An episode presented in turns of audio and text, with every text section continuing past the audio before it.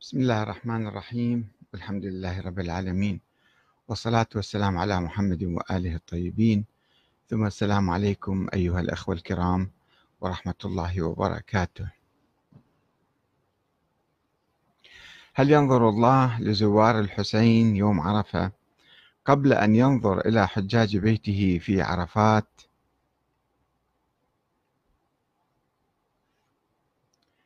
ما صحة هذه الرواية أو الروايات آه، التي تقول بذلك؟ وهي وهل هي مروية عن النبي الأعظم محمد صلى الله عليه وسلم أم عن الإمام جعفر الصادق؟ وهل تصح الرواية عن الإمام جعفر الصادق أم هي مكذوبة عليه؟ وكيف يروي الإمام حديثا لم يتفوه به النبي الأكرم؟ وإذا كان قد قال ذلك فكيف علم بهذا الفضل؟ كيف علم الإمام الصادق بما لم يتكلم به النبي؟ هل نزل عليه وحي؟ هل هو نبي مثلا؟ كيف يقول ذلك؟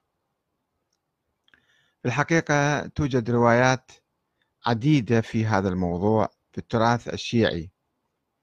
وابتدأت هذه الروايات آه، بكتاب كامل الزيارات لابن قولويه جعفر بن محمد ابن قولويه الذي توفي سنة 386 ف وبعد ذلك نشر الشيخ الصدوق أيضا ذكر هذا الحديث في ثواب الأعمال اللي كان معاصر لابن قولويه وأيضا الشيخ الطوسي في مصباح المتهجد ومن لا يحضره الفقيه أيضا الشيخ الصدوق ذكر هذه الأحاديث.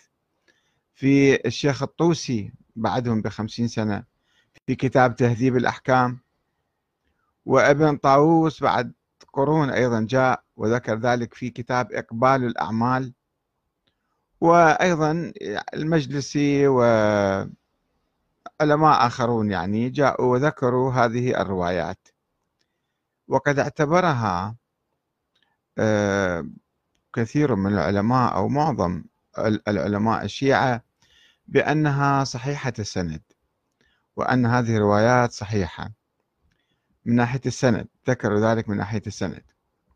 ولكن نحاول أن نتأمل في هذه الروايات ونرى أنها فعلا صحيحة فعلا صادرة عن الإمام الصادق فعلا هكذا موضوع موجود يعني في آه، الزيارات. خلينا نقرأ لكم كم زيارة ثم آه، نعلق عليها.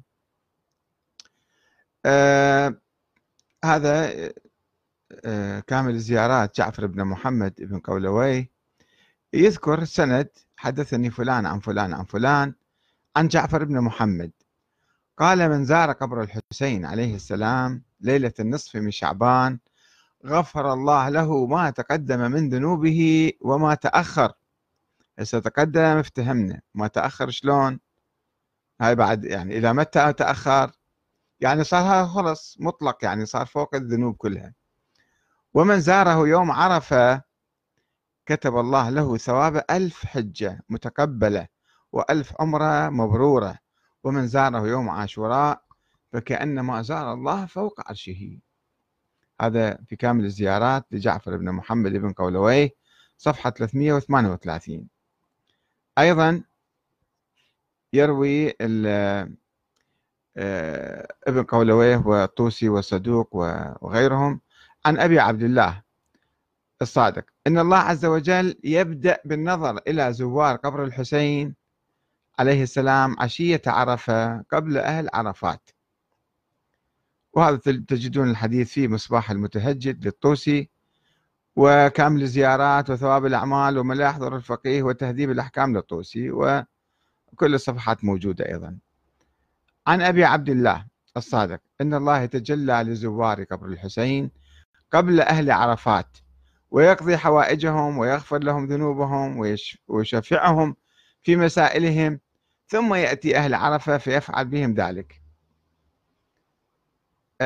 أيضا من أتى عن الإمام الرضا من أتى قبر الحسين كتب الله له حجة مبرورة وحدة. هناك ألف حجة هنا صار حجة واحدة عن الإمام الرضا. المزار للشيخ المفيد صفحة 185 عن محمد بن مسلم عن الإمام الباقر. لو يعلم الناس ما في زيارة الحسين من الفضل لماتوا شوقا وتقطعت أنفسهم عليهم حسرات. قلت وما فيه قال من أتاه تشوقا كتب الله له ألف حجة متقبلة وألف أمر مبرورة وأجر ألف شهيد من شهداء بدر وألف وأجر ألف صائم وثواب ألف صدقة مقبولة وثواب ألف نسمة أريد بها وجه الله. يعني عتق ألف نسمة. كامل الزيارات بحار الأنوار. عن هارون بن خارجة. سأل, سأل رجل أبا عبد الله وأنا عنده ما لمن زار قبر الحسين؟ فقال إن الحسين وكل الله به أربعة آلاف ملك. شعثا غبرا عليهم تراب يعني شعورهم ما أدري شلون صاير الملائكة ذولا. يبكونه إلى يوم القيامة. والله موكل بقبر الحسين أربعة آلاف واحد. فقلت له بأبي أنت وأمي روي عن أبيك الحج والعمرة.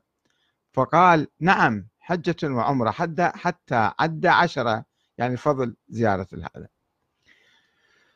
أيضا كامل الزيارات ثواب الأعمال بحار الأنوار. تذكر الكتب هذه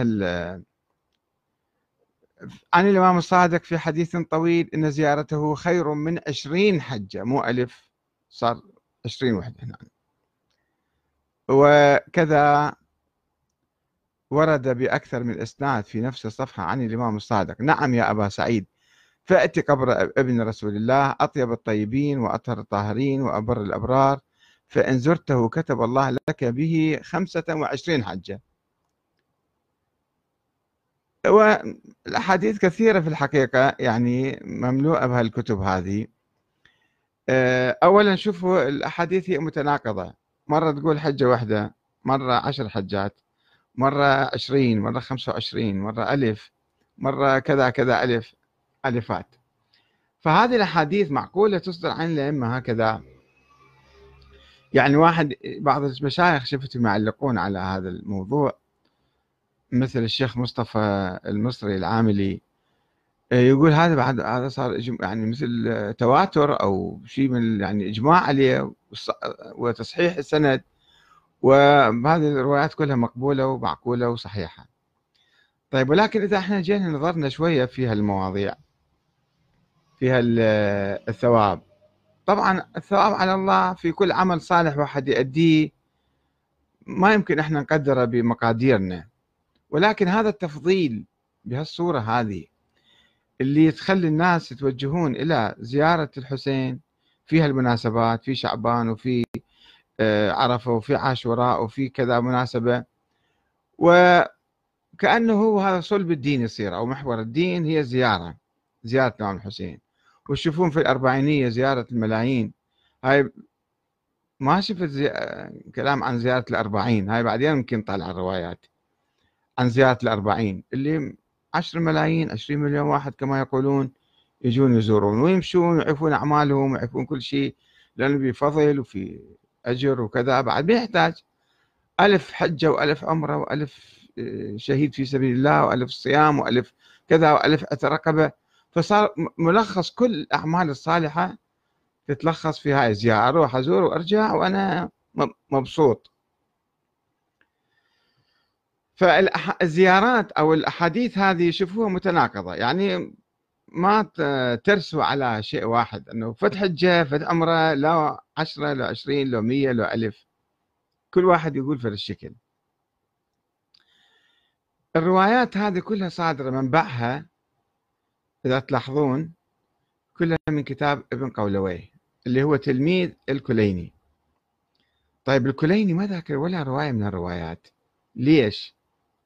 يعني في بداية القرن الرابع الهجري وهو جمع كل التراث الشيعي ابن هذا الكليني وفي ما هب ودب بهذا الكتاب وفي أشياء حتى المحققين الشيعة يقولون 9500 رواية من 16000 رواية ضعيفة. و4000 حسنة و2000 رواية صحيحة كما العلامة المجلسي يقول. طيب ليش الكليني ما ذكر ولا رواية من الروايات؟ هذا يخلي علامة استفهام أنه هذا ابن قولوي. اللي ينقل عن ناس طبعا ابن قولوي في علم الرجال الشيعي كلش يوثقه. هذا إنسان ما في يعني وبعض الناس يوثقون حتى الرواة اللي ناقل عنهم واحد واحد إلى الإمام الصادق. وبعضهم يقول لا مو كلهم بس دول اللي حده يعني اللي نقل عنهم دول هو دي يوثقهم. ما دام هو نقل عنهم يعني هو وثقهم فدول ثقات طبعا هذا مبدأ أو فرد قاعدة رجالية مو صحيحة وناقل واحد عن عن رجال. كيف يصيرون كلهم؟ اساتذته كلهم خوش اوادم وصادقين وصحيحين وما يكذبون. طيب إذا نقول هسه هو ما كذب رجال صادق بس نقل عن ناس آخرين. زين هالروايات ليش استاذه عن استاذه لم ينقل عن الكليني. ولا عن الصفار مثلا اللي هذا ابن فروخ الصفار صاحب بصائر الدرجات. كتب اللي كانت قبل موجودة أصلا ما فيها الكلام هذا. من با يحتمل أنه هاي الروايات كلها صدرت أو اختلقت في القرن الرابع أيام البوهيين.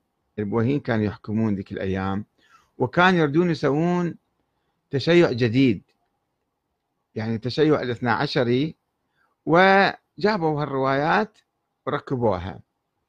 أو أنها كانت روايات كلش مهملة وضعيفة لذلك الكليني ما أخذ بها علماء الشيعة السابقون لم يعرفوها ولم يأخذوا بها